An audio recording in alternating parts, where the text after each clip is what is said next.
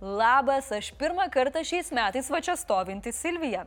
Bet nauji metai - senos bėdos. Tad ir pradėkime nuo krūviniausių per visą šį karą mūšių.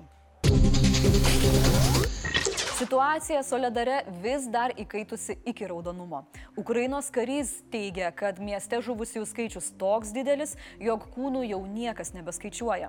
Mūšio laukia viskas keičiasi itin greitai, o namų kontrolė eina iš rankų į rankas. Taip, supratote teisingai, Soledare kariaujama už kiekvieną namą.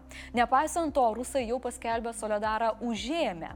Ukraina tokius teiginius griežtai neigia. Po kiek laiko šios teiginius paneigė ir Kremlius, sakydama, sakydamas, kad nereikia skubėti skelbti pergalės. Keista, gal vaistų kokių neišgėrė ir nusprendė nemeluot? Mieste yra didžiulė pilkoji zona, kurią skelbia kontroliuojantis abipusės. Bet tiesą pasakius, niekas ten neaišku. Karių rotacija tokia didelė, jog Ukrainos pusėje net ne visi žino vieni kitų vardus. Tuo tarpu rusai toliau bando Ukrainos sąjungininkų ribas.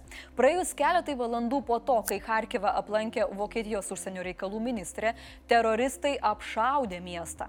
Žinokit, jau tikrai pradedu manyti, kad Kremlius pilnas NATO agentų, nes niekas taip nesistengia paskubinti vakarus tiekti Ukrainai vis naujesnę ginkluotę, nu nei pati Rusija. Ar jiems tai pavyko, sužinosime jau kitą savaitę, kai Vokietijoje susitiks Ukrainos sąjungininkai, kurie svarstys, kiek ir kokios karinės paramos reikia šaliai. O paramos reikia daug. Pasak Ukrainos prezidento Volodymyro Zelenskio, Rusija telkia pajėgas dar vienam dideliam puolimui. Deja, bet tie, kas į tas pajėgas susitelkti nenori, turės galvoti, kaip šaukimo išvengti. Kaip teigia Ukrainos žvalgyba, Rusija nuo sausio 9 dienos draudžia iš šalies išvykti karo prievolininkams dalykams. JAV atsargos generolas Benas Hodžesas mano, kad tam, kad Rusija nustotų smūgiuoti, nereikia laukti, kol jai pasibaigs raketos. Tai reikia apšaudyti raketų ir dronų paleidimo aikšteles. Va toks paprastas ir efektyvus patarimas. Jo lab matėm, kaip Rusija saugo savo karinius oro uostus. Ar tik sutapimas, jog Putinas yra pasiruošęs daryboms? Tiksliau, kaip jie sako, dėryboms dėl krizės Ukrainoje. Manau, kad Ukraina dabar jau palauks, kol atriedės sąjungininkų tankai. Iškovota pergalė verta daugiau nei Putino pažadai apie taiką. Na, o kalbant apie pažadus, gal Ukrainoje porą jų paliks ir mūsų prezidentas Gitanas Nausėda, kuris šalyje lankosi su iš anksto neskelbtų vizitu. Įdomu, ar Bendijanai pasakė, kad išskrenda. Bet jei nepasakė, tai Mėla Diana, nesijaudinkit. Gitanas dabar su Zelenskiu, va truputį kamulį paspardės kartu, nu ir grįžk iki sutemų. Šiandien svarbi diena partijoms siekiančioms užimti pozicijas Lietuvos miestų savivaldybių tarybose ir mero postuose. Jų atstovai traukia skaičiukus, kurie nurodė partijų vietą rinkimų biuleteniuose. VRK pirmininkė Jolanta Petkevičiane priminė, kad visi skaičiai laimingi. Tai pažiūrėkime, kas ką išsitraukė. Lietuvos Lenkų rinkimų akcija Krikščioniškų šeimų sąjunga išsitraukė pirmąją vietą. Nu tai tikiuosi tas vienetukas reikš surinktų balsų skaičių. Socialdemokratai savo išsibūrė penketą, Skvernelio partija septinti, iš karto už jų darbo partija ir konservatoriai. Liberalai eis vienuolikti, po jų seks valstiečiai žalieji. Laisvės partija išsirinko tryliktuką, o gražulis pusnuva ten kažkur į galą apie keturioliktas. Pirmą vietą išsitraukusi Lenkų rinkimų akcija truputį padžiūgavo, bet Rita Tamašūninė sakė, kad numeriukų nesureikšmina. Tuo tarpu Laisvės partijos lyderė Aušrinė Armonaitė neišsigando skaičiaus 13. Jos teigimu čia labai sėkmingas skaičius Lietuvai. Šaras kokiu numeriuku žaidė? Va, būtent. Ir pažiūrėkit, kiek daug pasiekė. Kai patys biuletenyje 13 būsit, suprasit. Savo 12 vietą komentavęs valstietis Aurelijus Verygas skaičiaus irgi nesureikšmino. Svarbiausia, kad žmonės žinotų, kokį numeriuką pažymėti ir tiek. O jei esate žemaitaičio fanai, tai nerinkit skvernelio, nes patys žinot, kas jums bus. Čimilytė džiaugiasi, jog liberalai 11, nes jai tai laimingas skaičius. Aišku, rinkimai ne šachmatai, nu bet. Na ir galiausiai pats paskutinis sąraše būsantis Artūras Zuokas džiaugiasi ir krikštavo, nu pat kaip kūdikis. Vėl 18 džiugavo širdžių meras. Tiesa, Zuoko rinkėjai jo Facebook'e komentavę, jog jo partija į rinkimus eis 18, irgi gali džiaugtis. Buvęs meras pažadėjo penkis teisingai atspėjusius komentatorius pasikviesti pas save pietų. Įdomu, ar pietums gamintas patiekalas bus kokia nors aukštyn pilvų upe plaukusi žuvis, o gal jau seniai įpročiai dingo, velnės ten žino, bet jei jūs būsit vienas iš tų žmonių sėdėsiančių prie stalo su Artūru, pasaugokit piniginę dėl visoko.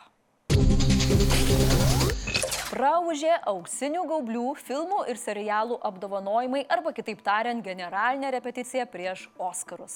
Labiausiai spindėjo filmo Salos vaiduokliai komanda susišlavusio daugiausia apdovanojimų. Filmas pripažintas geriausia komedija. Pagrindinis aktorius Kolinas Farelas geriausias aktorius, o filmo režisierius Martinas McDonough apdovanotas už filmo scenarijų. Pasisekė ir legendiniam Stevenui Spielbergui. Jo pusiau autobiografinis filmas Fabelmanai aplenkė to tokius titanus kaip Mavericką ir Avatarą. Filmas pripažintas geriausia drama, o pats Pilbergas geriausių režisieriumi. Filmo Viskas visur viskas vienu metu aktorė Michelle Yahoo pripažinta geriausia komedijos aktorė. Jos ekrano kolega Ki Chuai Kwan geriausiu antro plano aktoriumi. Geriausio draminio aktoriaus apdovanojimą nugvelbė muzikinio filmo Elvis žvaigždė Ostinas Butleris. Verta paminėti geriausią animacinį filmą Guillermo del Toro Pinokį.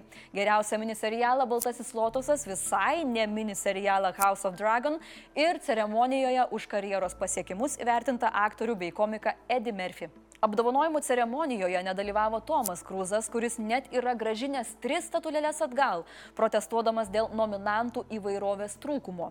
O Bendonas Fraseris atsisakė dalyvauti, nes teigia, kad buvęs gaublių prezidentas kartą seksualiai priekabiavo prie jo. Ceremonijos metu į susirinkusius svečius kreipėsi Zelenskis. Labai taiklioje kalboje prezidentas paminėjo, jog aišku, ko lauks pergalė kare ir labai pabrėžė, kad There will be no third world war. It is not a trilogy. Ukraine will stop the Russian aggression on our land. Labai laukiu, kol bus sukurtas filmas apie Rusijos pralaimėjimą. Įdomu, ar ir Putinas bunkeryje stebėjo transliaciją. Jaučiu, kad ne, nes ten nerodo, kaip ant vaikų krenta raketos ir artilerija. O kaip žinom, jam labiausiai patinka būtent tokie vaizdai.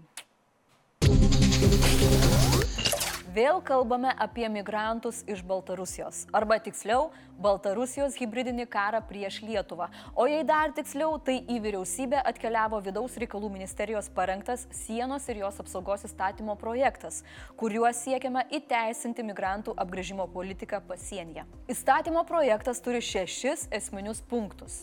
Taigi, siūloma įstatymų įtvirtinti galimybę ekstremaliosios situacijos ir nepaprastosios padėties metu neįleisti į šalį užsieniečių, kurie pažeidžia sienos kirtimo tvarką. Numatomas individualus pagalbos suteikimas sienos kirtėjams. Įteisinamas pasienio tarnybos remėjų pasitelkimas. Atsižvelgiama į ES teisingumo teismo išaiškinimą ir panaikinamos bendrijos teisai prieštaraujančios nuostatos. Sudaroma galimybė užsieniečiams pateikti prieglopšio prašymus, nepaisant atvykimo teisėtumo. Ir panaikinamas neteisėtai sieną kirtusių prieglopšio prašytojų sulaikimas. Seimo opozicija bei žmogaus teisų gynėjai tvirtina, kad įstatymai keičiami tik formaliai, o nuostatos prieštarauja tarptautinėms konvencijoms. Vidaus reikalų viceministras Arnoldas Abramavičius atmeta kritiką arba, kaip sako, nėra jokios teisinės šizofrenijos.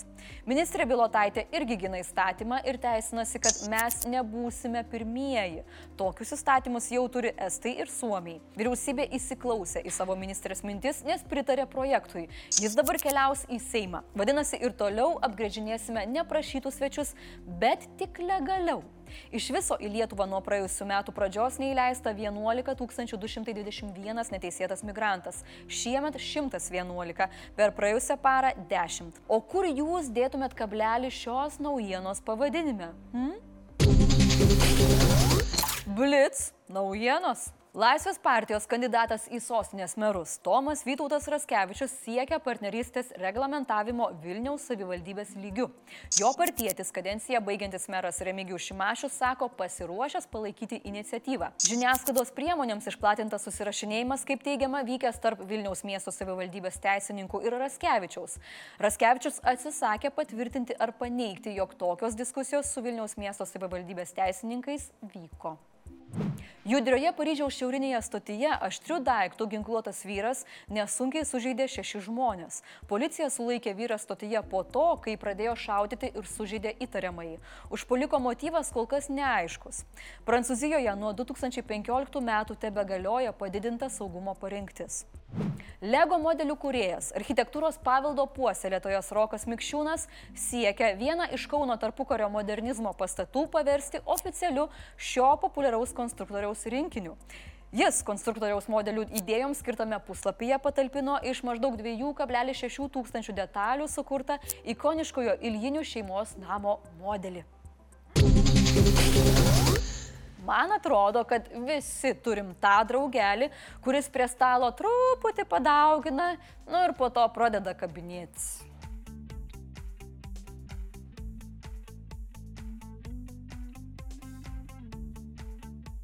Komentarų rubrikėlė. Vakar Timūras jūsų klausė, kiekgi kainuoja šiluma jūsų namuose.